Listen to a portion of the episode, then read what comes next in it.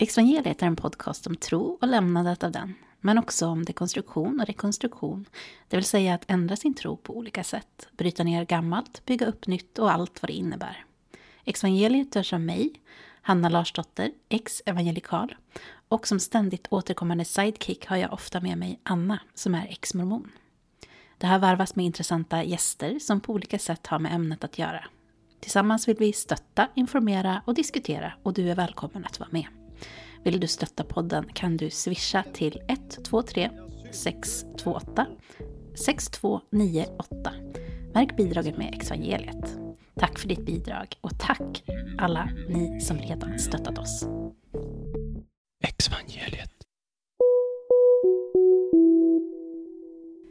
Kristina Larsson träffade jag på ett filosofikafé som Humanisterna anordnade i början av 2020. Jag skulle berätta om min resa från troende till extroende. Och där i skaran på cirka 15 personer befann sig även Kristina. Efter kaféet fick jag hennes bok signerad med orden Tack Hanna för din gripande berättelse. Jag tror att du kommer att kunna relatera till en hel del i min berättelse. Varm kram Kristina. Idag har jag läst hennes målande och oerhört välskrivna berättelse i boken De tusen milens längtan. Boken är en autofiktiv roman som berör hur hennes uppväxt som missionärsbarn i Burundi och Kongo på 50-talet påverkat henne. Men det är också en rörande skildring av föräldraskap. Kristina som bodde med sina missionerande föräldrar i Östafrika med kortare avbrott tills hon var 14 år berättar om hur hennes föräldrars religiositet och livsval satt spår i hennes liv. Om hennes problematiska relation till sin mamma, men också om hur hon senare i livet vågar möta mammans egna berättelse av feministisk frigörelse. Det här är en djupt rörande berättelse om separation, problematiskt föräldraskap och trauma, men också om frigörelse upprättelse och försoning. Vi pratar om väckelsen, striden med ondskans andemakter, Jesu återkomst och att känna skräck inför den yttersta tiden. Och trots att jag inte alls har varit missionärsbarn i Afrika så finns det väldigt mycket igenkänning för mig här. Boken berörde mig djupt och jag är väldigt glad för att hon är här idag för att prata med mig. Innan vi lyssnar på vårt samtal inleder jag med att läsa den dikt som ni hittar i början och i slutet av hennes bok. På samma sätt som ni kan lyssna på dikten i början och i slutet av den här inspelningen. Här kommer den. Kära mor. Minns hur jag sökte dig med mina varför-frågor inför livet. Minns hur jag sökte din närhet. Stod där så nära. Tjatande, tjattrande, mina varför-frågor. Du tittar inte ner på mig. Du tittar förbi. Du svarar aldrig. Du fortsätter bara att tala i tungor. Och jag är så liten och havet är så stort. Och jag stänger in mitt tjattrande och mina varför-frågor.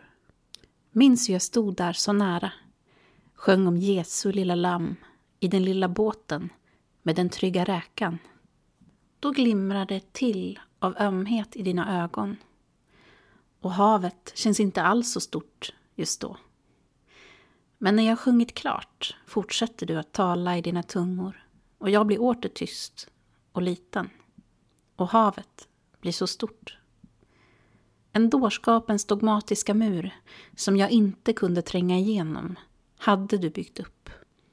Du som inte skulle leva av denna värld gick så miste om din egen frukt. Så isolerad från dig, för i din lilla båt finns din stora kärlek. Så långt borta från dig, för du har helig vind i seglet. Exvangeliet. Med den introduktionen säger jag Varmt välkommen till Kristina Larsson. Tack så mycket. Du har ju också ett annat namn som jag läste om i boken, eller kanske snarare ett epitet. Hon som föddes vid den stora jordbävningen. Hur kommer det sig att det blev ett epitet som följde dig under din barndom? Ja, jag brukar säga att jag, jag är made in Sweden, men jag är född i, eh, i det som idag heter Burundi, men som då hette Rwanda och Burundi. Eh, mina föräldrar var missionärer och eh, vi var fyra syskon. Jag var den tredje flickan och mm, familjen den var väldigt eh, patriarkal. Eller min far var väldigt patriarkal så att det längtades så efter en son. Och han kom som nummer fyra min, min pappa hade väldigt svårt att lära sig min, min, vilket datum, det lärde han sig alltid, men inte ens vilket år jag var född. Men jag föddes, jag föddes vid en, en jordbävning, eh, alltså strax efter en stor jordbävning. Nu var det sällan jordbävningar i, i Burundi. Det var, brukar vara jordskalv, men det här var en stor jordbävning då vårt hus rasade delvis. Eh, så jag fick bo mina första eh, månader i ett enkelt lerhus. Varje år jag frågade min far om, när jag föddes så, så var det liksom så här, ah, ja, när var det nu? Ja, men, och så kom han på, men gud, det var ju du som föddes vid den stora jordbävningen. och det där tyckte jag var, var jättespännande. Wow, vilken dramatik så här. Och det har jag berättat. Jag, började, jag inleder min, min berättelse med den episoden. Mm. Exvangeliet. Jag har ju läst den här boken som kom ut under 2019. Och varför skrev du den och hur har den här skriv, skrivprocessen sett ut för dig? Ja, varför skrev jag inte den, eller att säga. Eh, jag kan säga så här att jag för eh, massa år sedan träffade en, en man som var socialantropolog och, och, och forskade på Afrika. Så han var så intresserad av min historia. Det var nog den första människa jag, jag mötte som verkligen eh, såg mig och bekräftade min historia. Eh, och vi skrev rätt mycket. Han höll på att skriva på sin avhandling och jag satt och skrev eh, ner berättelser. Och, så han uppmuntrade mig väldigt mycket. Han såg att jag hade ett språk och en berättarglädje och så. Så det, det, är en av anledningarna. En annan anledning är ju det här kända att det är väldigt bra att skriva rent terapeutiskt. Mm. Och det har jag ju liksom insett då, speciellt när jag gick i terapi, att det fanns ett raster, jag hade ett raster som la sig över eh, mitt liv. Och, och, det fanns så många saker som jag kände, det här vill jag, det här vill jag undersöka, det här vill jag dyka ner i. Eh, så, um, så den här berättelsen, det som sen blev en bok, det höll jag på att skriva i mer än tio års tid, berättelser som jag sen under en period eh, bestämde mig för att se om jag kunde få ihop det här till någon eh, roman. Ja, för du kallar det just för, för roman. Mm. Hur, hur kommer det sig? Eftersom det, det, det är ju på många sätt en typ av självbiografi. Ja, den, autofiktiv eh, eh, roman. Ja, jag gör det för att eh, under min, när jag skrev, när jag liksom började tänka i tanken att jag skulle ge ut det här, så, så, så sitter mina två systrar på, på en på var axel och, mm. och, och tjatar och säger, men så där var det väl inte. Så det, det, där kan du väl inte skriva om så här. Eh, mm. så så jag, jag helt enkelt, och det sa jag till dem, jag har puttat ner er från, från mina axlar och det, för det här är mina upplevelser och jag vet att ni har e, en annan berättelse om vår barndom och så. Mm. Eh, och, och, det var också så här att jag in i det sista tvekade att ge ut den här romanen. Eh, därför att jag var rädd, jag var rädd för att såra, jag var rädd för att jag skulle förlora mina systrar, att de skulle liksom bli jättearg på mig. Jag var rädd för alla andra i, de jag hade kvar som vänner inom pingstkyrkan och så, de kommer bli mm. jättearga på mig då. Mm. Så här. Eh, men Hanna, vet du vad? Det har visat mm. sig tvärtom. Mm. Eh, den här har fört oss syskon tillsammans i alla fall speciellt mig och mina systrar. Eh, jag har fått så mycket uppskattning av, jag får varje vecka folk som skriver till mig och tackar. Eh, jag får människor som söker kontakt med mig som jag har känt då sedan länge sedan, medan jag var med i den här rörelsen. Och jag har bara fått tack och uppskattning. Eh, så här. Ja.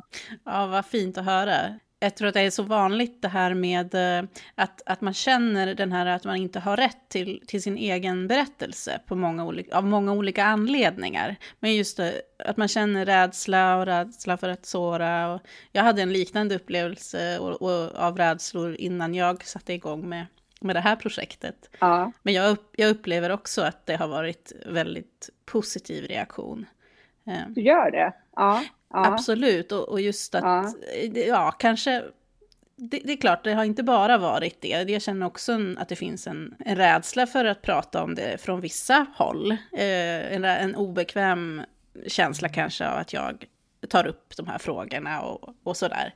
Men jag kan uppleva liksom överlag i det stora att det faktiskt är, det öppnar upp väldigt mycket just för att man vågar prata om de här frågorna och, och, och de problem som kanske finns, men också det som har varit ja, fint och så. Ja. Men, mm, så jag kan känna igen mig. Men vet du Hanna, vet du vad jag, förlåt att jag avbryter det, men vet, vet du vad, vad jag tänker är så här, att du och jag har, och det var det jag fastnade speciellt hos mm. dig, att det finns en ödmjukhet. Mm. Vi är inte bittra på det här, utan det finns en, en ödmjukhet i, eh, eh och en vilja att, eh, att eh, Alltså vi sparkar inte på det som har varit, Nej. utan jag tror att vi kan se det här. Det här var en livserfarenhet.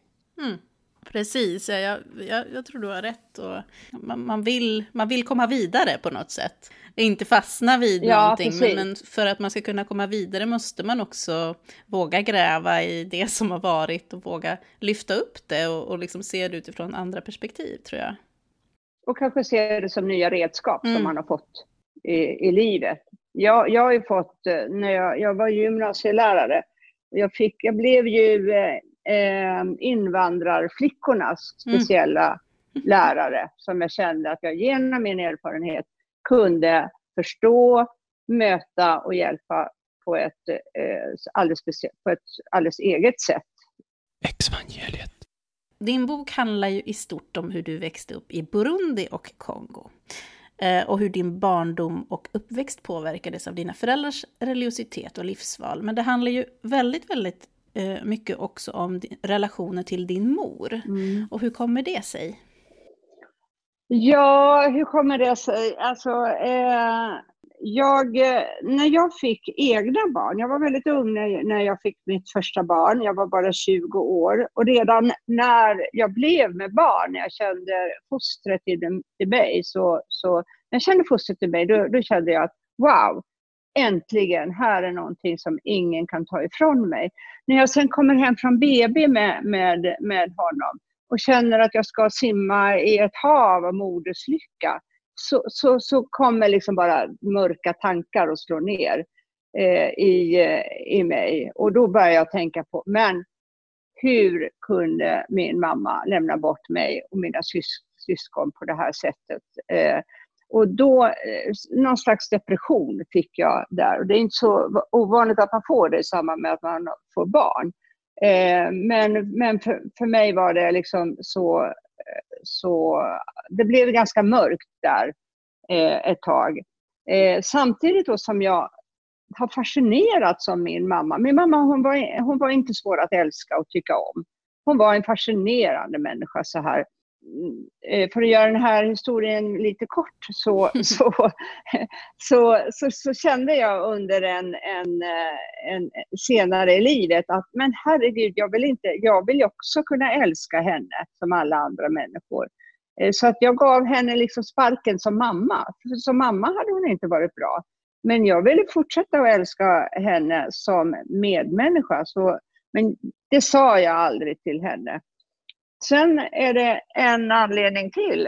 Eh, när jag är i, eh, långt senare i livet, ska läsa, jag läser genderhistoria på Uppsala universitet. Och då ingår det i den kursen att man ska skriva en uppsats om en kvinna som har brutit med de genderförväntningar som fanns i den kontext som den här kvinnan växte upp i. Vi hade fått en lång lista på kvinnor att välja mellan.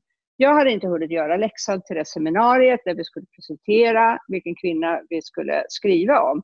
Eh, och skämdes jättemycket. Man ville vara en duktig flicka. Eh, och, men när frågan kom till mig, då hade jag lyssnat på de andra, eh, mina medstudenters motiveringar. Och då möter det någonting inuti mig som jag ja, känner igen. Och då hör jag mig själv säga, jag ska skriva om min mamma. Eh, och då frågar professorn då varför och jag förklarar eh, lite kort om hennes liv. Och då säger hon, ja, de kvinnliga missionärerna, de mm. är mm. ett forskningsfält. Det är bara starka kvinnor. Det har vi fortfarande inte forskat om. Så här. Och där jag mm. ringer när jag kommer hem, ringer jag min mor och säger, ja, jag kommer hem till jul och jag ska intervjua dig, jag ska skriva en akademisk uppsats om dig. Mm. Och då säger hon, jag lydde ju bara Gud och, och äh, kallelse. Eh, mm. eh, men, och då säger till henne att nej, men jag, vi ska titta på det lite grann från något annat håll. eh, och där hade jag otroliga samtal med min, med min mamma. Och då kände jag, men herregud, hon har ju varit en feminist. Mm. fast det visste hon inte om så här. Då blev jag otroligt stolt över henne. Och jag berättar om det här i boken och om hennes så att för mig blev det så här, ja, men det, när jag kom på det här att jag skulle ha ett, ett du i den här romanen och det är skrivet till henne, då gick, blev det så mycket lättare också att skriva. Mm. Ja, för jag upplever det liksom ändå som att du uppvisar väldigt stor empati för, för din mamma och liksom den här förståelsen för drivkraften till att befinna sig i Afrika, att hon hade en gudomlig kallelse, mm. så här att föda sina barn i smärta och mm. väldigt mycket så igenkänning liksom ja. där. Men, men, men har jag rätt när jag säger så? Just du mm. pratade lite om det nu, men... Ja, men jag har, empatin liksom. Ja, men mm. jag, jag har det och jag tycker också, det är så, det, alltså, på, på eh, 70-80-talet var det ju liksom väldigt modernt att gå i analys och man skulle liksom kanske hata sina föräldrar och sin mamma i synnerhet och sådär. Och jag gillade aldrig det. Och jag tänkte så här att jag, jag, jag tänker ju att vi måste kunna titta på våra föräldrar mm. i den kontext som där de fattade sina val. Mm. Eh, och jag hoppas att mina barn tittar på, mm. ser på mig på det mm. sättet. Så här. Mm. Eh, och inte bara fördömer. Vi måste kunna vara, och, och, så bör vi göra med alla människor. Ja, men det kanske berodde på det att hon gjorde så eller så. Mm. Eh, så ja, och jag använder ju så här, jag skriver ju till henne i boken, att du bytte mjölkpallen mot bönepallen. Du visste precis vilka konventioner mm. du lämnade. Mm. Men du hade ingen aning om vilka nya konventioner du, du skulle eh, omgärdas av den dag du ta, sa ja till, till Gud och lät döpa dig och, och, och sa ja till kallelsen och, och gick med i en församling. Mm. Um, och vem vet det? När vi gör val. Vi mm. har ingen aning om vilka nya konventioner vi hamnar i som vi plötsligt måste lyda under. Mm. Ja, det, jag tycker det är väldigt modig, modigt av dig att se på din mammas berättelse på det här sättet. Och det blir ju, hon blir ju... Eh, hon blir ju så mycket mer än bara den här som du, du är besviken på. Man får ju liksom en förståelse för henne också. Och, och liksom också som du säger en, en beundran också över hennes mod. På, ja, på många precis. sätt liksom. När, man läs, när jag läste ja. boken i alla fall. Ja, hon bröt ju med sin, med sin familj så här. Hon bröt det faktiskt. Jag, var, eh, jag gjorde en släktodyssé eh, långt senare i livet där jag eh, satt och pratade med en av mina mostrar. Mm. Och när jag berättade det här för henne då att jag eh, hade lämnat alltihopa det här, och då tittar min moster kärleksfullt på mig mm. och så säger hon så här, eh, jag tror att Greta har kommit tillbaks. Min mamma heter mm, Greta. Mm. Jag tror att Greta har kommit tillbaks till er. Mm. Och det kändes så här, men gud, jag har slutit cirkeln på något sätt. Jag har gjort samma väg som hon fast åt andra hållet. Mm. Jag har fått bryta, jag har fått slita mig loss. För jag har inte klarat av att leva i, i de här konventionerna som jag blev satt att leva i och som jag skulle följa. Spännande att, att inse det liksom. Mm. Ja, det, ja, det är spännande att leva, ja. eller hur? Ja, Anna? eller hur? Ja. det är spännande att leva, jag håller helt med. Exvangeliet. För att prata om din, din far. Eh, du, kallar, ja. du kallar honom Boana, säger jag det rätt? Ja, ja Boana, det är swahili. Ja. Vad betyder, varför kallar du honom för Boana? Alltså Boana är någon man, man ska se upp till, det är de som har makt och, och så här. De, de, Eh, eh, afrikanerna kallar de vita för Boana. Mm. Okej. Eh, så här. Mm. Eh, så, så det, det, det kan, ja, mm, jag, jag kallar honom det. Ja. Och det gjorde jag, det, det gjorde jag faktiskt, det gör jag här i boken. Ja. Jag, jag, kallar honom Boana när jag ser honom från ett vuxet perspektiv. Jag kallar honom för pappa när det är barnet ser mm. på honom. Mm. så, så, ja. Men, och du, men du berättar om hur han egentligen, det här som du sa i början också, att han egentligen önskade sig en son. Liksom för att fullborda mm. den heliga och patriarkala familjen. Ja. Eh, och så berättar du om hur du iakttog de här reaktionerna eh, av alla andra också runt om er på din brors an ankomst. Och du resonerar liksom som, i barnets perspektiv då om hur att det måste bero på att han har snopp, att han blir annorlunda, ja. annorlunda ja. liksom emottagen. Och hur, ja. hur, hur, tror du liksom att din pappas förväntningar på att få en son och, då senare din brors ankomst och dina reaktioner, hur tror du att det påverkade din självbild som flicka och kvinna sen? Ja, men alltså jag, jag, jag kommer så väl ihåg det här. Jag var tre och ett halvt år när han föddes. Mm. Vi var fyra år när vi kom till Sverige eh, första gången. För mig. Jag var fyra år och han var bebis. Och jag, jag minns än idag de här släkt, släktfesterna som vi hade. Och det var så mycket ståhej. Och det är det ju ofta runt en bebis. Mm. Eh, så här. Och, men hur de dunkade honom, hans bröder dunkade honom i ryggen och, och min fars bröder och sa ja, ah, men du, du lyckades äntligen. Mm. Eh, och, och, jag har ju varit väldigt känslig för vad folk säger så här mm. då. Mm. Och det är klart att att man då, jag då tänkte, ja men eh, han lyckades inte när jag föddes. Ja, ja. Och sen har ju det där här, alltså barn är ju svartsjuka. Mm. Jag var ju fruktansvärt mm. svartsjuk på honom. Att han fick så mycket, mycket uppmärksamhet. Men jag skriver ju också där att det händer väldigt mycket där när jag är tre år. Så att eh, jag är ju antagligen lite traumatiserad när jag kommer hem då till Sverige. Men din fråga var, var, var hur det har påverkat mig. Eller? Ja, ja precis. Ja. För jag, jag, menar, du pratar ju också om det här med, du pratar ju också om det här med hur du fick den här, det här epitetet av, av liksom jordbävningsepitetet. Och att där ja. blir det så liksom nästan som att det blir oviktigt då, att när du är född, och, och liksom, för du är bara flicka på något sätt. Jag tänker ändå att det där eh, är ett tema i boken också. På ja, sätt och vis. Ja, nu, nu, är, nu är det ju det här på 50-talet och då är det ju en annan syn på pojkar och, och flickor. Men jag, jag, kände, jag var nog väldigt tillbakadragen och blyg och mina, mina två äldre systrar tog ju mer plats eh, än, än, äh, än, än, än vad jag gjorde. Eh, sen har jag ju som vuxen eh, tycker jag tagit revansch och, och, och, och, och vågat ta mer plats. Mm. Eh, mm. än jag gjorde som barn givetvis. Mm. Eh, mm. men jag tror, eh, alltså jag tänker ibland att när jag ser på er som är unga, mm. skjutsingen också. Mm. ah, det, mm. ja, man skulle nog ha varit ung, mm. ung idag.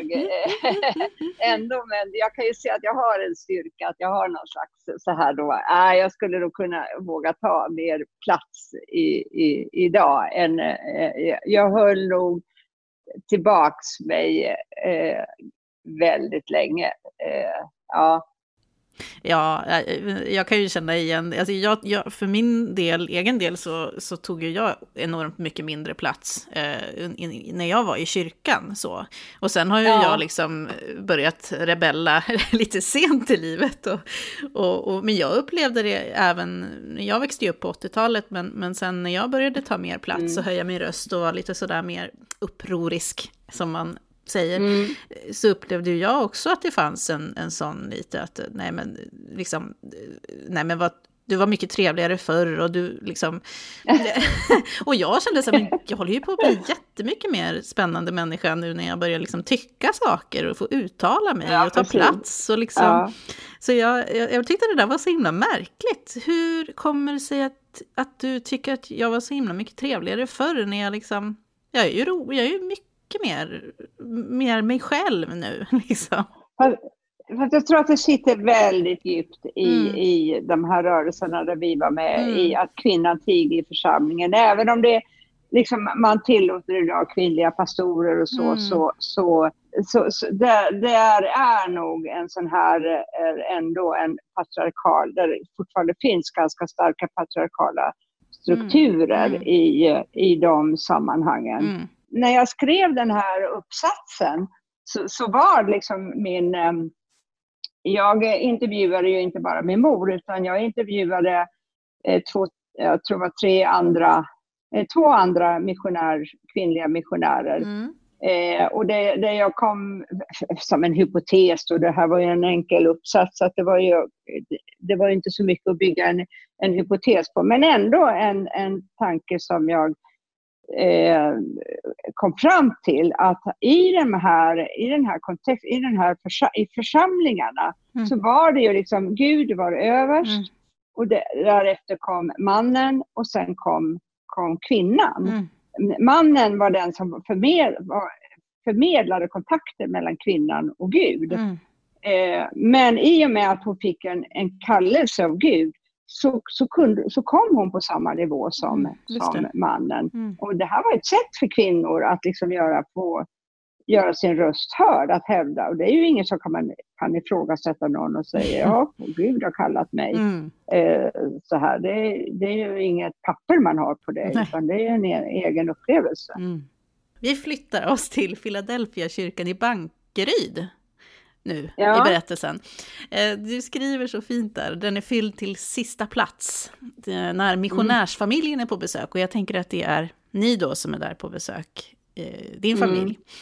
Och du skriver att du känner tanternas och farbrödernas blickar och förväntningar. Mm. Eh, om alla som, citat, vill höra om deras offerpengar har gett utdelning, hur många som döpts och upptagits i församlingen. Och det här scenariot det klingar så väl för mig med den här eh, för det var så otroligt, en eh, så stor del, minns jag, i, i den församlingen när jag var väldigt liten. Den där, den där känslan av när missionärerna kom och skulle berätta om, om, liksom, om, om eh, alla som blivit frälsta. Och, ja, men du vet den här Eh, även jag liksom fick, fick, man fick en femkrona eller en, en femma eller en enkrona liksom att lägga ner i kollekten som gick runt där i bänkarna. Mm. Liksom, och det var det ju ofta till de här missionärerna. Det där, jag, jag får sådana minnen från min egen barndom när du, berätt, när du berättade om det där. Vad, har du för, vad får du för tankar när jag berättar om det? Eh, eh, att det var... Det, det var rätt... Det var rätt eh, alltså det var när jag kom till Sverige, vi, alltså jag var ju, eh, eh, vi var ju i Afrika ungefär fyra år. Det är en lång period. Mm. Eh, om vi mm. säger att jag kom till Sverige första gången när jag var fyra år och sen så eh, andra gången när jag var eh, åtta år. Ja, så, så är det ju, alltså jag tyckte alltid det var besvärligt i Sverige i allmänhet, i kyrkan i synnerhet. Ja, man skulle ha hatt på sig. Eh, man skulle klä sig på ett visst sätt. Eh, man skulle, eh, alltså, och det var så mycket blickar på en så här. Och jag vet att jag tyckte om att sy mina kläder. Och de fick inte vara, jag tyckte om att ha kort kjol. Och det fick jag inte ha. Alltså det var så, alltså i Afrika, jag fick bara vara. Det var så tillåtande i, i Afrika. Och jag kände att jag blev så instängd där i, Eh, och, och, och, höra det här att, att, att eh, ja men ni vet väl hur ni uppför er, ni måste tänka på hur ni uppför er för alla tittar på er. Va? Alla tittar på mig, alltså det är jätteläskigt. Så här.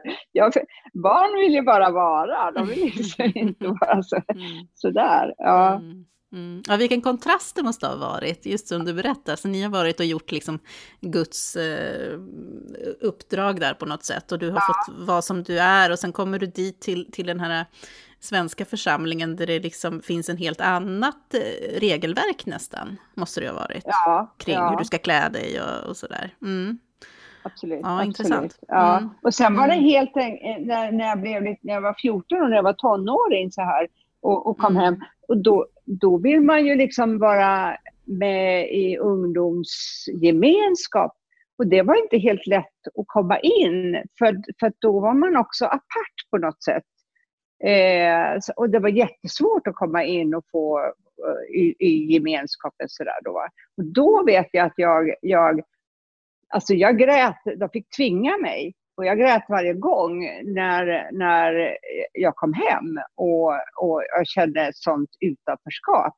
Och, och då tycker jag att då, då var det mycket lättare eh, liksom, utanför kyrkan att bli accepterad och få vara med. Mm. Jag tänkte, jag ska fråga också den här, du pratade om att em, bli övergiven av dina föräldrar, men, men det här med att eh, du ställer också frågan i boken, varför lämnade, em, varför lämnade föräldrarna bort sina egna barn för att missionera bland de svarta barnen i Kongo? Eh, vad var det som hände där? För det verkar som att ditt liv också präglas väldigt mycket just av separationer, upplever jag. Mm. Mm.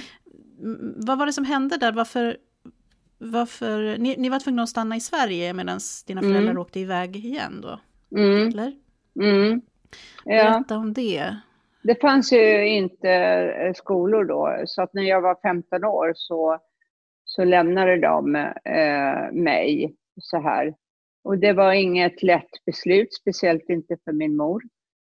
Eh, hon grät och våndades. Och där skriver jag ju där att, att eh, jag, eh, hon frågar mig, ska jag ändå inte stanna kvar? Och jag säger ju då, nej, du får inte svika din kallelse. Eh, så här. Så vi, man är så indoktrinerad i det här. Att det skulle drabba oss allihopa. Hon hade en kallelse, hon var tvungen att följa den och det här var det som krävdes av oss barn också citerar citerade ett bibelord där eh, att, som vi, vi eh, ja, kunde utan till att eh, om man överger sin far och mor för Guds eh, verks skull så skulle man få hundrafalt igen redan här eh, på jorden. Eh, och, eh, nej, det var liksom eh, ingenting som eh, fanns med. Men det fanns, och det, det när jag skrev boken och jag kom ihåg det här, hennes vånda, hennes tårar, Mm. eh, hennes, eh, att, att hon sa det här, men vi, vill du inte att jag ska stanna? Kan jag lämna dig? För då var jag ju eh, alldeles för ung för att bli lämnad ensam kvar eh, så här på det sättet som de lämnade mig. De lämnade ju mig inte till någon bra familj sådär, utan eh, nej, det fanns inte på kartan, men det gjorde ändå gott när jag tänkte tillbaka på det, att det inte var lätt för henne att lämna. Så säger hon ju där när hon är gammal eh, till mig, hon, så försöker hon ta upp det här med mig. Och då säger hon, du, är du arg på mig? Jag var ju en gökmamma. Mm. Och, och jag känner så här, jag är så glad och lycklig över att hon sa det, för det var som Mm. typ förlåt. Mm. Fast hon sa aldrig förlåt, men det var ett, ett, det låg ett förlåt i det. Och då ville jag inte, jag ville inte prata om det då. Så sa jag, nej men mamma, det, det, alltså det, det som har hänt kan vi inte göra någonting åt. Det är historia. Vi har ju upplevt så mycket tillsammans. Kan vi inte prata om det istället? Och jag kände, jag vill inte, alltså såklart att jag på, någonstans inuti mig var arg. Eh, för man lämnar inte sina barn på det sättet. Men varför ska jag berätta det för en 90-årig kvinna? Att du gjorde fel där. Nej. Hon måste få känna stolthet över sitt liv. Mm. Så eh, ja, men jag har nog alltid känt en stor ömhet för, för henne. Och jag tror att vi är väldigt lika, Mm. jag och min mamma. Så. Ja, det, jag tycker det är så fint att du, att du har mött, liksom, mött det här och, vågat, och, och vill se hennes sida eh, också av det. Jag tycker Mm. det är väldigt fint. Tack. Ehm, det var ju många, många eh, begrepp och sådär i, i boken som, som, som jag tror klingar väldigt bekant för många av våra lyssnare. Men eh, du skriver ett citat där, för om man ska prata om något riktigt bra i Philadelphia ska man prata om väckelsen. Ja. Det betyder att jättemånga tanter och farbröder och barn har slutat att tro på sina hedna, hedna gudar och istället börjat tro på Jesus. Mm. Väckelsen, vad, vad har du för relation till det här ordet? I, i, idag. Eh, så, Ja. så, alltså, då var det ju någonting så, som alltså, positivt så här då. Va? Eh, Mm. eh, Men idag har jag ju, har jag ju väldigt så här, jag, jag, jag, jag, jag tänker ju på att, att eh, väckelserörelser, det har ju ställt till med så mycket. Eh, vi har ju Selma Lagerlöf skriver om det i, i, i, i Jerusalem. Folk bara drar iväg. Folk kan göra precis Mm. vad som helst. Vi har Knutby och det drabbar ofta Mm. unga människor. Eh, och Mm. kanske unga människor som är, jag, tänker på min far, om jag nu ska försöka hitta honom i hans kontext, så är ju en, han en sån som, som, som, eh, som sköljdes med av en väckelse som var där i, i Bankryd och Jön, i Småland. Eh, och han en fattig eh, eh, torparpojke med många syskon, eh, inte möjlighet att studera, in, ingen möjlighet till, till något stort liv. Han ville mer.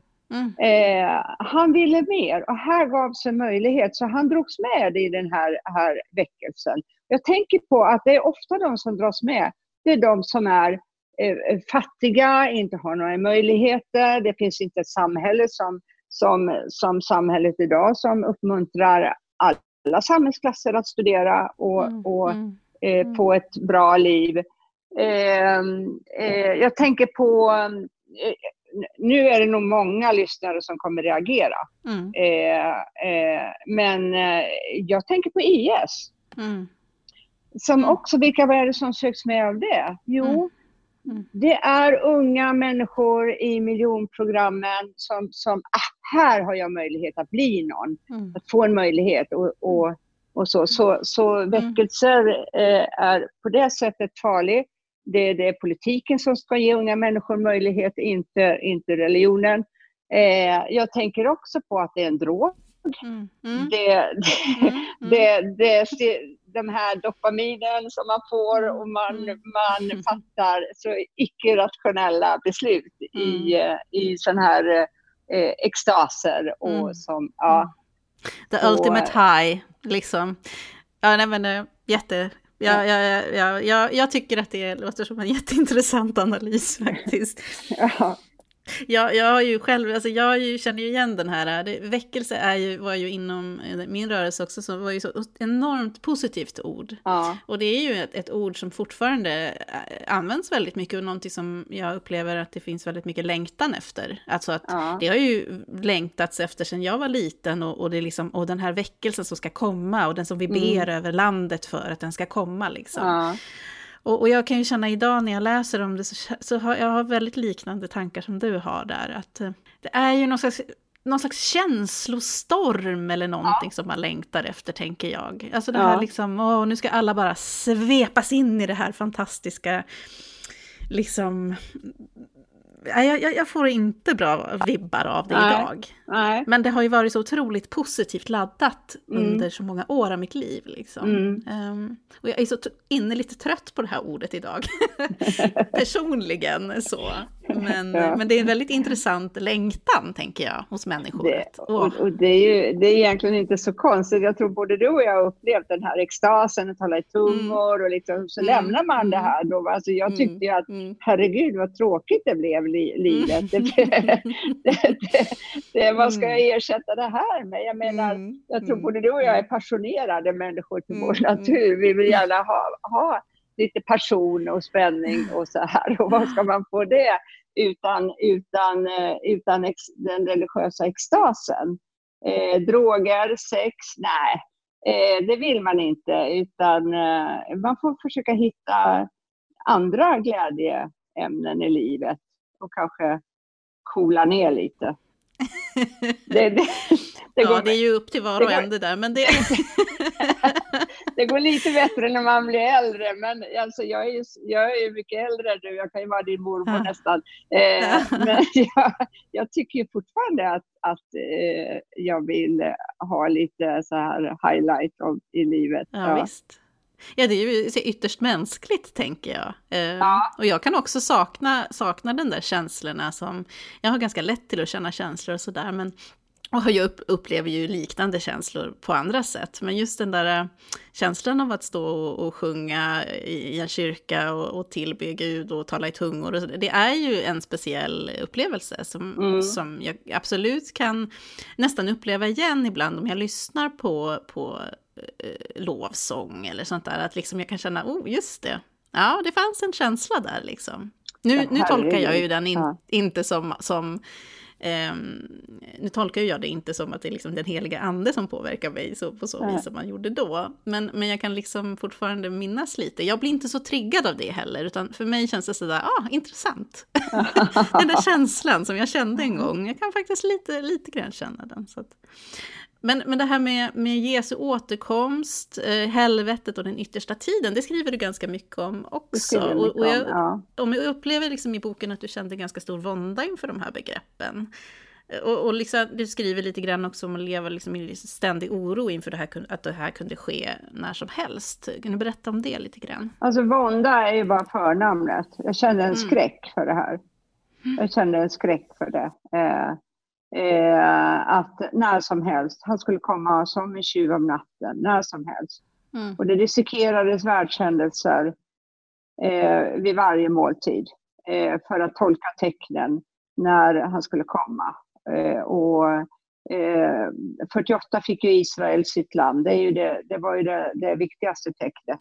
Mm eh, att, att alla judar ska återvända eh, så här och, och folk, eh, judar börjar återvända till, till, till, till sitt land så här.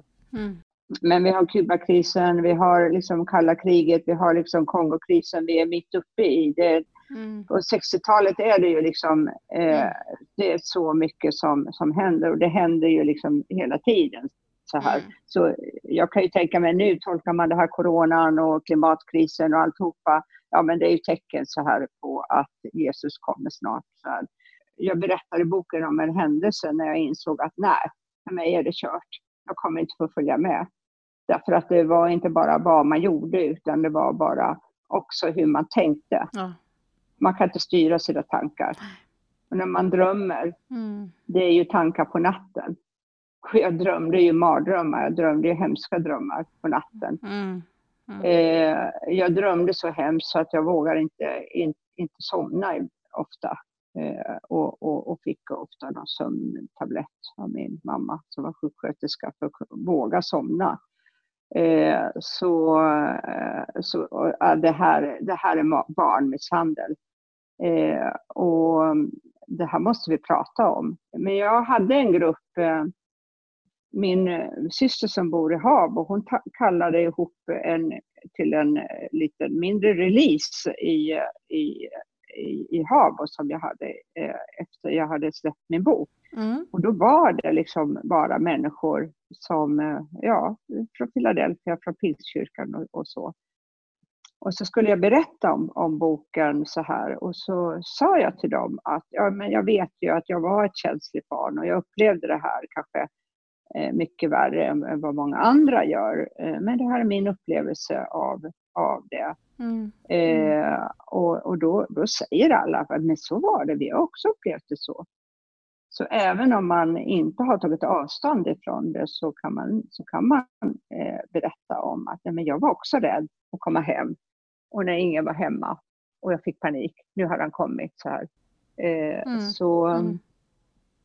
ja. ja vi, vi hörde ju Knutbybarnen som berättade om sånt här eh, i den här dokumentären om Knutby också. Mm. Ja precis, och jag tror att det är så viktigt att eh, liksom understryka att det just, det är ju alltid så när man pratar om Knutby, att det blir så isolerat till just alla, alla hemskheter som händer där. Men det här är ju nog en ganska vanlig, eh, vanlig upplevelse, att man har man, man var rädd för, för de här grejerna. Både rädd men också, så man skulle ju längta på något sätt också efter den här återkomsten, alltså det, Jesu återkomst. Det var ja. ju någonting som skulle vara positivt laddat egentligen. Men sen hade man hela tiden den här oron ändå inför att det kunde ske när som helst, som du säger, komma som en tjuv om natten, eller eh, två människor går på, en, på ett fält eller hur det är, och en blir uppryckt och en stannar kvar. Och man mm. hade ju de här eh, liksom, bilderna i huvudet av, av hur det skulle kunna vara. Jag drömde ju också eh, väldigt mycket mardrömmar när jag var liten ja. och har alltid gjort det. Ja. Jag har alltid gjort det och jag tror som du säger kanske att vi, vi är extra känsliga och tar in väldigt mycket och sånt där. Mm. Men, men det, det är också någonting som jag, och det vet man ju inte liksom vad det beror på. Men, men eh, jag har alltid också varit väldigt, drömt väldigt mycket mardrömmar. Jag brukade tänka liksom att jag eh, skulle gå på bio nästan när jag gick och la mig. Ibland var det ju positivt men det är ju också obehagligt att känna att att nätterna nästan är lika levande som dagarna. ja. Men mm. det här med tungomålstal och, och kamp i andevärlden, striden mot andevärldens furste, djävulen, mm. mm. bruden, mm. antikrist, Jesus som kommer som en tjuv om natten, nöd för det ofrälsta, vinna ofrälsta själar för Guds rike, den stora vedermödan. Alla de här orden, det är, det är sånt som också återkommer i din bok, som jag tror att väldigt många kan relatera till. Vad har mm. du för mm. tankar och relation till de här orden och fenomenen? Ja, men de är ju väldigt, de är väldigt, väldigt starka. Alltså när, min mamma då som, som, som eh, eh, sa att hon slogs mot andevärldens första. Mm. Och eh, eh, att det var en kamp i andevärlden. Eh, efteråt, när, jag skriver ju inte det i boken, jag överlämnar ju det till läsaren, men min tolkning som vuxen är ju att hon hade ju ångest och kanske eh, depressioner. Mm. Eh, hon kanske till och med var bipolär, för att hon var ju jättemysig att vara med när hon inte slogs med andevärldens första. Eh, eh, och vi hade jättekul ihop så här. Eh, så att jag blev ju så otroligt så här, eh, duktig på att, jag blev ju så medberoende till, till henne och den här kampen. Jag skriver det, jag kan inte mm. fatta varför hon av alla människor måste göra det. Det kan väl andra göra som inte har små barn att ta hand om. Och, och, och det är också en syn på psykisk ohälsa som mm. inte får förekomma, utan man då klär man in det i sådana här religiösa begrepp.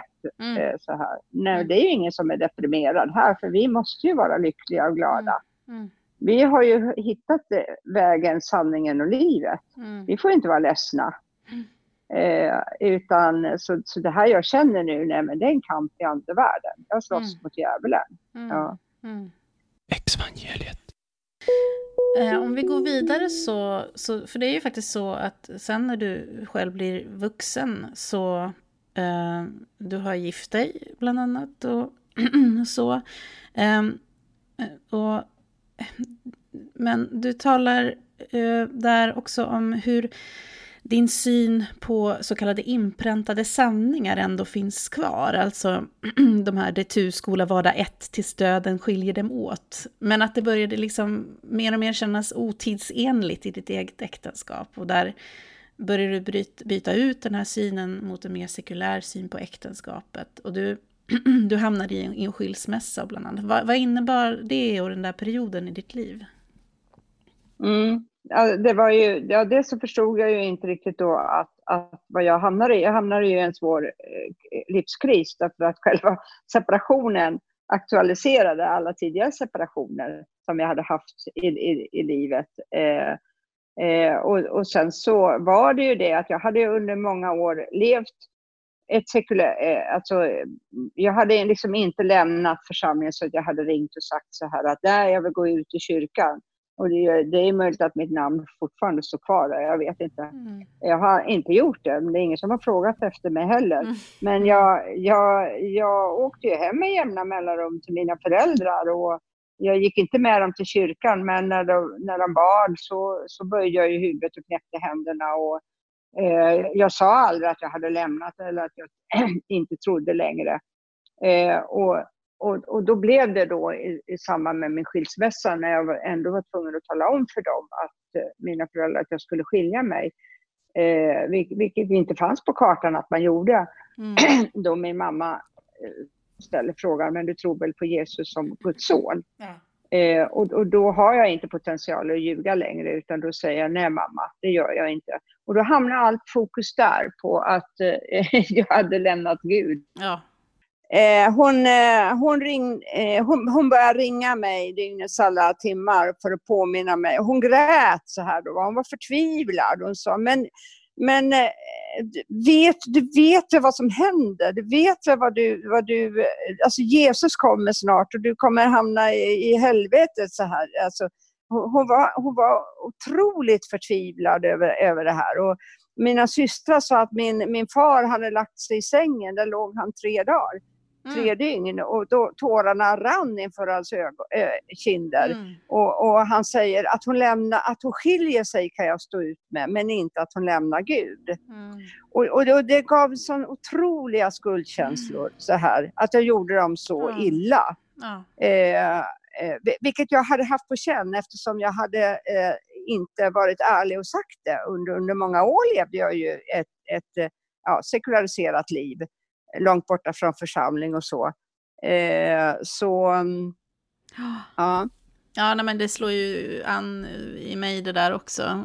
Du skriver liksom också att, att det här att angående att till slut liksom ändå berätta att det kommer ut, liksom att, att vara så trött på att ljuga, att inte veta vad, vad man inte, varför man inte kan berätta.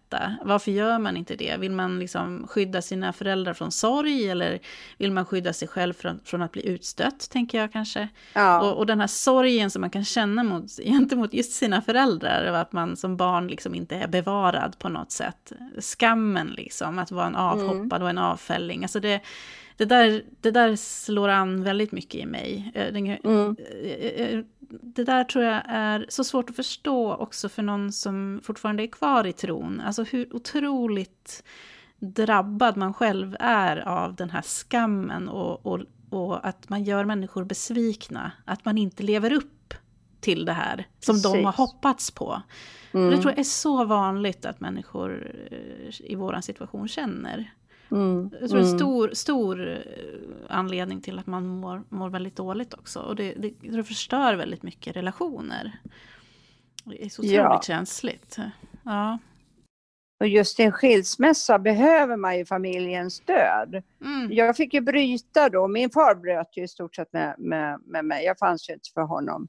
Mm. Eh, eh, men jag fick ju bryta, jag, jag, jag sa att vi, jag kan inte ha kontakt med, med er för att eh, så under, under en, en lång period där, där jag hade haft, behövt dem mer än, eh, än någonsin så, så fick jag bryta med, med dem. Eh, sen har jag själv har jag tagit upp kontakten och, och, och eh, den blev ju väldigt bra med min mamma. Eh, så, men eh, men den fanns ju hela tiden där. Jag vet att hon kunde liksom ibland när jag var hos henne så kunde hon ibland liksom lägga armen om mig och, och, så sa hon så här, du, du ber väl till Jesus ibland? Mm. Och då så, så jag tänkte liksom, nu tvingar du mig att göra dig så illa. Varför mm. gör du det här? här. Mm. Nej mm. mamma, det vet du att jag inte gör. Mm. Och då, och då eh, såg jag ju hur ledsen hon blev. Men jag kunde inte ljuga och säga att jag, jag mm. gjorde det. Ja. ja. Exvangeliet. Men lite mer positivt här då. Ja. Du pratar ju också om samtalet som förändrade ditt liv. Eh, och det var ett samtal till eh, Hässelby Vällingby psykiatriska mottagning. Eh, mm. och, och vad har du för relation till just terapi? Och, eller Mahjong-kvinnan som du senare kallar för din terapeut. Vilket är väldigt ja. kul. Men hur ja. har det hjälpt och, och hjälpt dig kanske ibland också? Jag vet inte, men att hantera det du har varit med om, hur, hur har det alltså, varit? För, för mig var det ju helt eh, nödvändigt. Jag hade ju ingen aning om vad det var, innebar att gå i terapi. Jag, jag trodde att, att eh, jag, jag, skulle liksom trollbinda min terapeut, min psykolog med mina, mina eh, spännande berättelser. Mm. Eh, mm. men jag, jag, beskriver ju där mitt första möte med henne när det inte kom några ljud eller någonting sådär. Eh, och, och, när hon då ber mig säga det ord som kommer upp och jag säger mamma och bara, bara, och bara gråter. Och jag säger mamma under, under en lång period. Jag säger bara att man börjar Mm, ja, bara gråter. Och det är Mm. då jag inser någonstans att, att men här finns det ju någonting som jag måste ta itu med det här.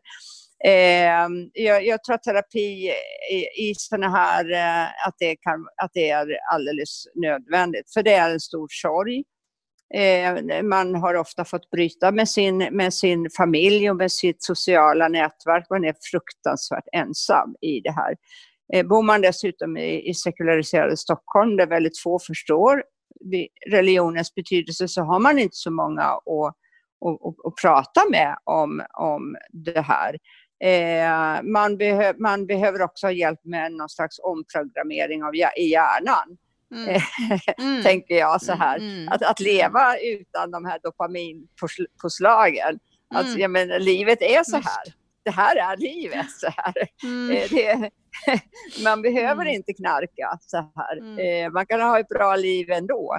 Ehm, eh, så, ja men, eh, ehm, eh, så, Mm. så det var, eh, för mig var det, jag fick två år, jag hade räknat med att få lite kristerapi en fem, tio gånger. Jag fick två år när den psykologen, när jag berättade kortfattat om eh, min, mitt liv, jag fick två år. Alltså jag fick, jag på, samhället bekostade mig det. Det kallades Dagmarpengar. Alltså fattar du vad man, vad man eh, tog hand om? Sin, det var ju liksom det här eh, goda samhället känner jag. Eh, när, var, när, var det här? när var det här? Eh, det här är eh, eh, i slutet på 80-talet. Mm.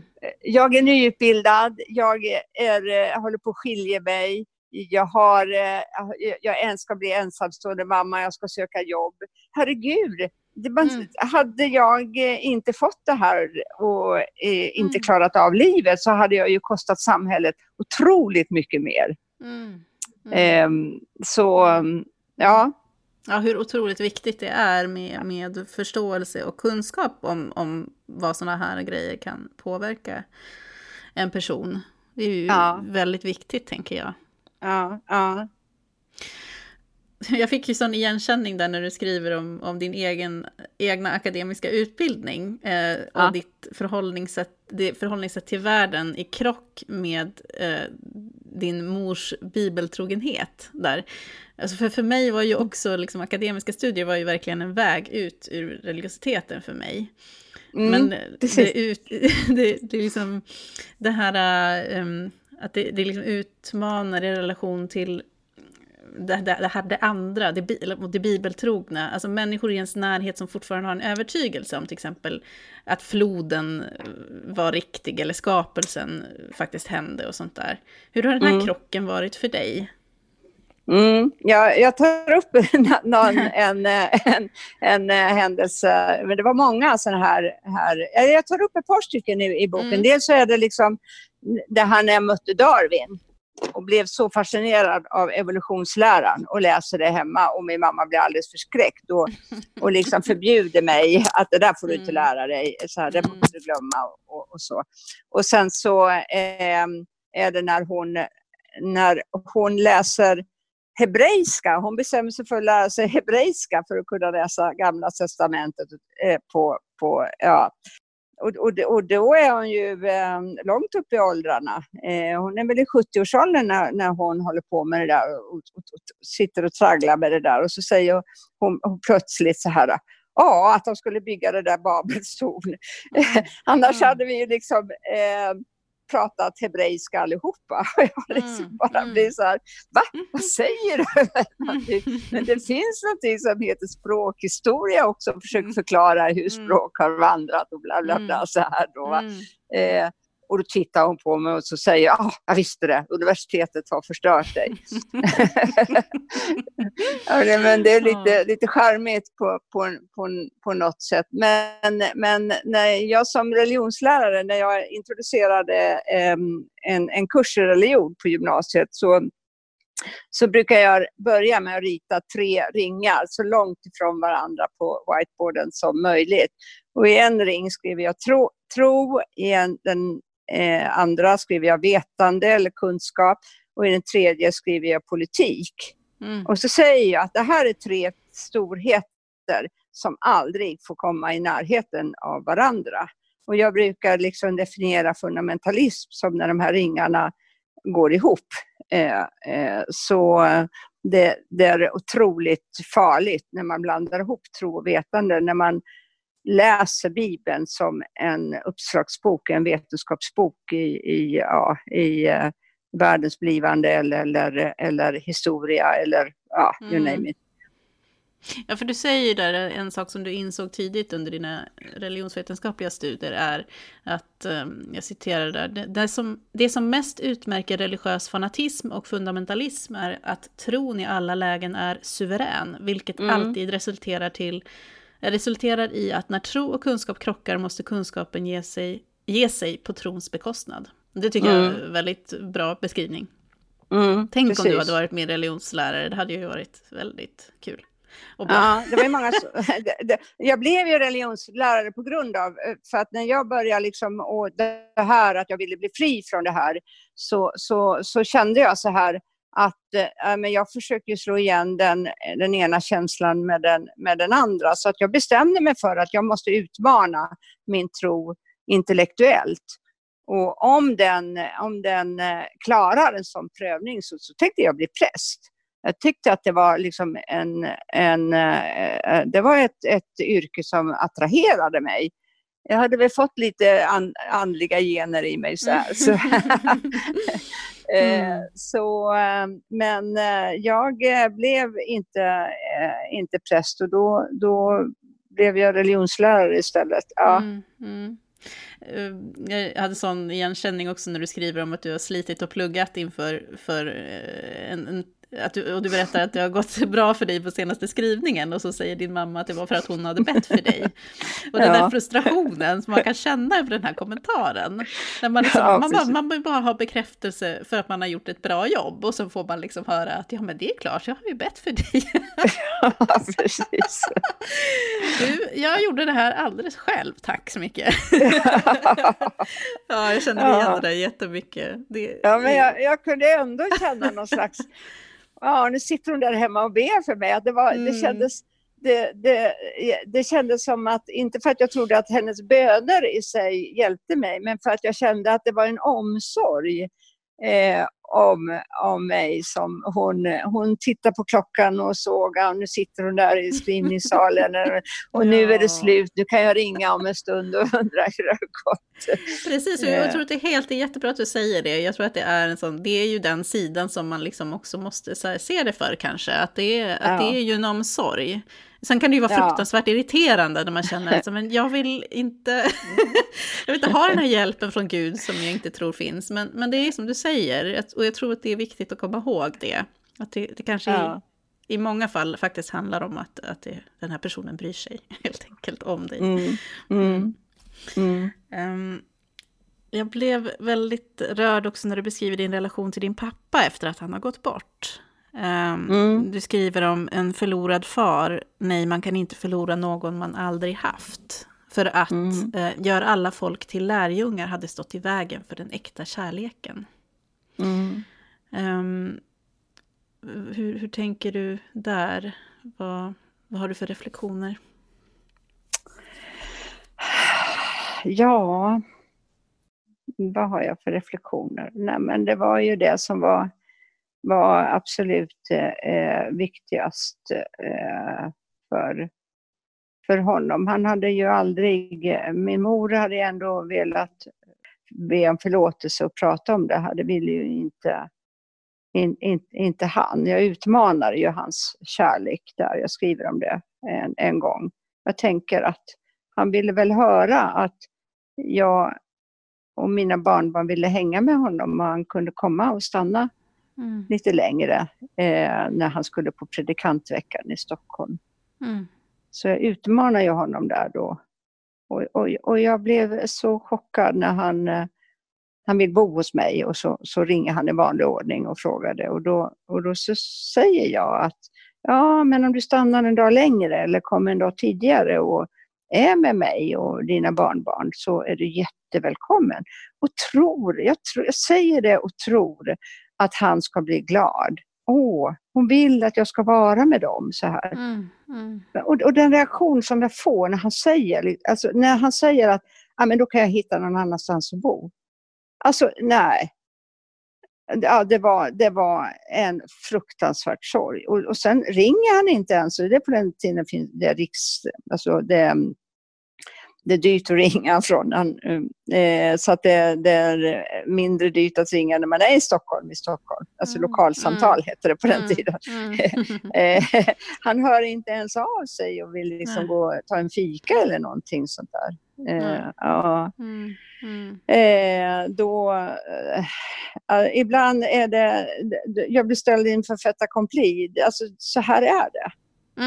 Mm. Eh, och det, det, det, är, är, är, det var en jättesorg. Det var en jättesorg. När han dog, alltså jag vet inte, jag grät och jag grät. Jag var förtvivlad när han dog. Mm. Eh, som var jättekonstigt tyckte jag. Att jag mm. ja. Mm. Exvangeliet. Jag ska avsluta här. Jag, jag tyckte att det var så fint um, hur du beskriver att du, som du säger här, citat, börjar bygga ditt eget tempel på en grund som heter goda relationer. Jag byggde det av stenar som heter ödmjukhet och murbruket försoning, re reglarna empati.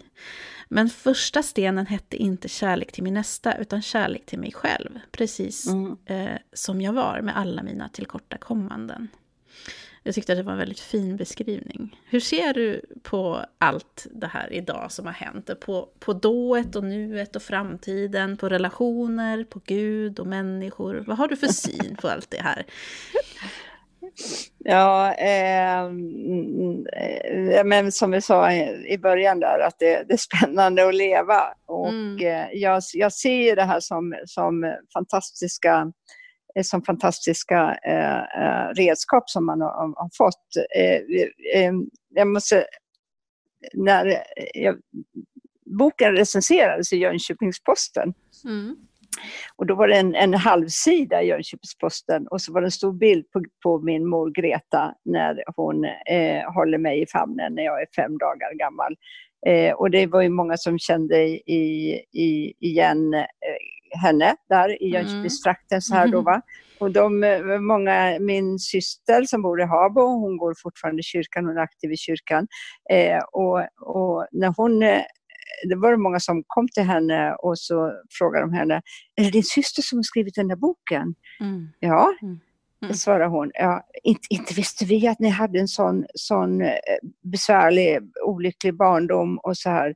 Så sa min syster, men frågade min syster, men det hade vi väl inte?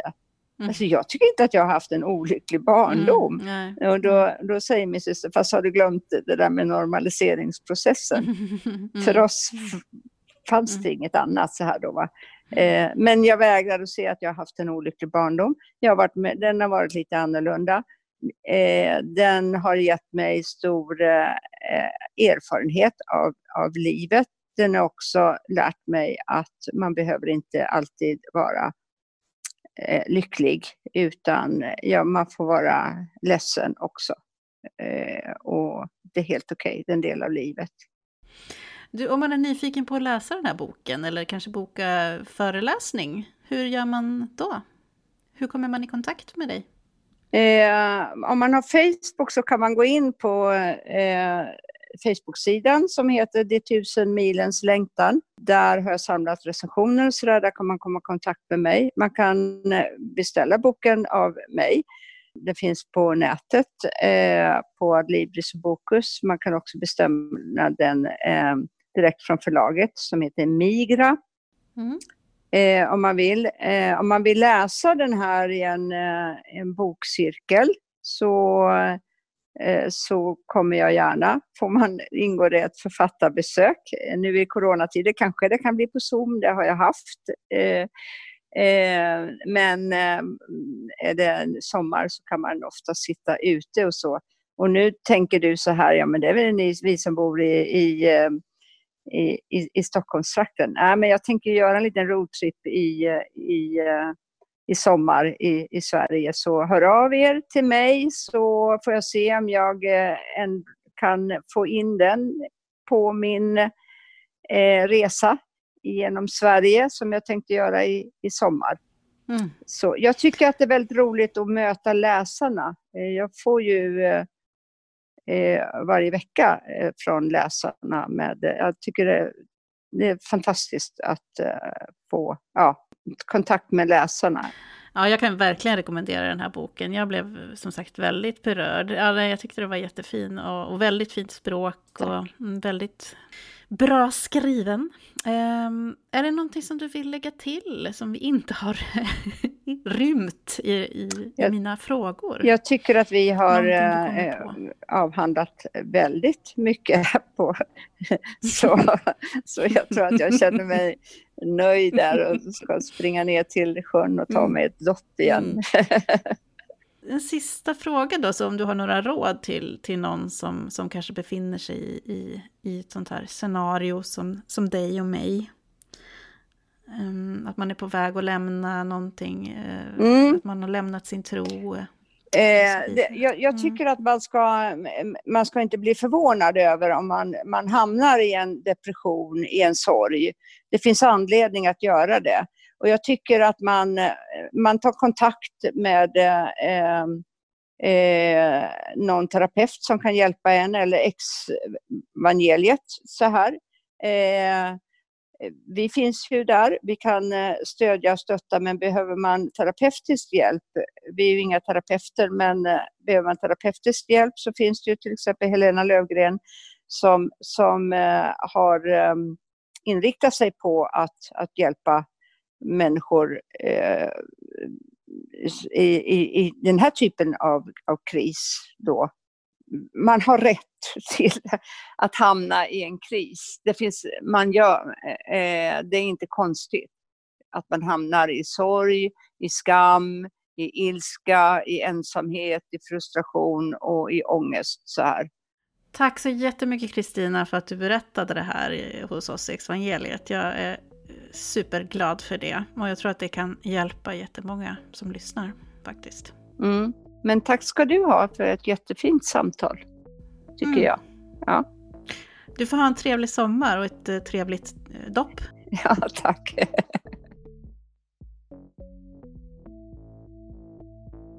och jag står kvar på stranden och ser hur du försvinner bort mot horisonten där hav och himmel möts. Då gör jag eld på stranden. Den ger mig ljus och värme. På Konsum har jag handlat fem bröd och tvenne fiskar. Så trots att fisken vägrar nappa, jag äter och blir mätt. Hänger ändå fast vid dig. Med segt, förbannat blodsband som inte går att kapa. Som navelsträng en gång. Du som inte ville leva av denna värld kunde ej bli kvitt din egen frukt. Exvangeliet.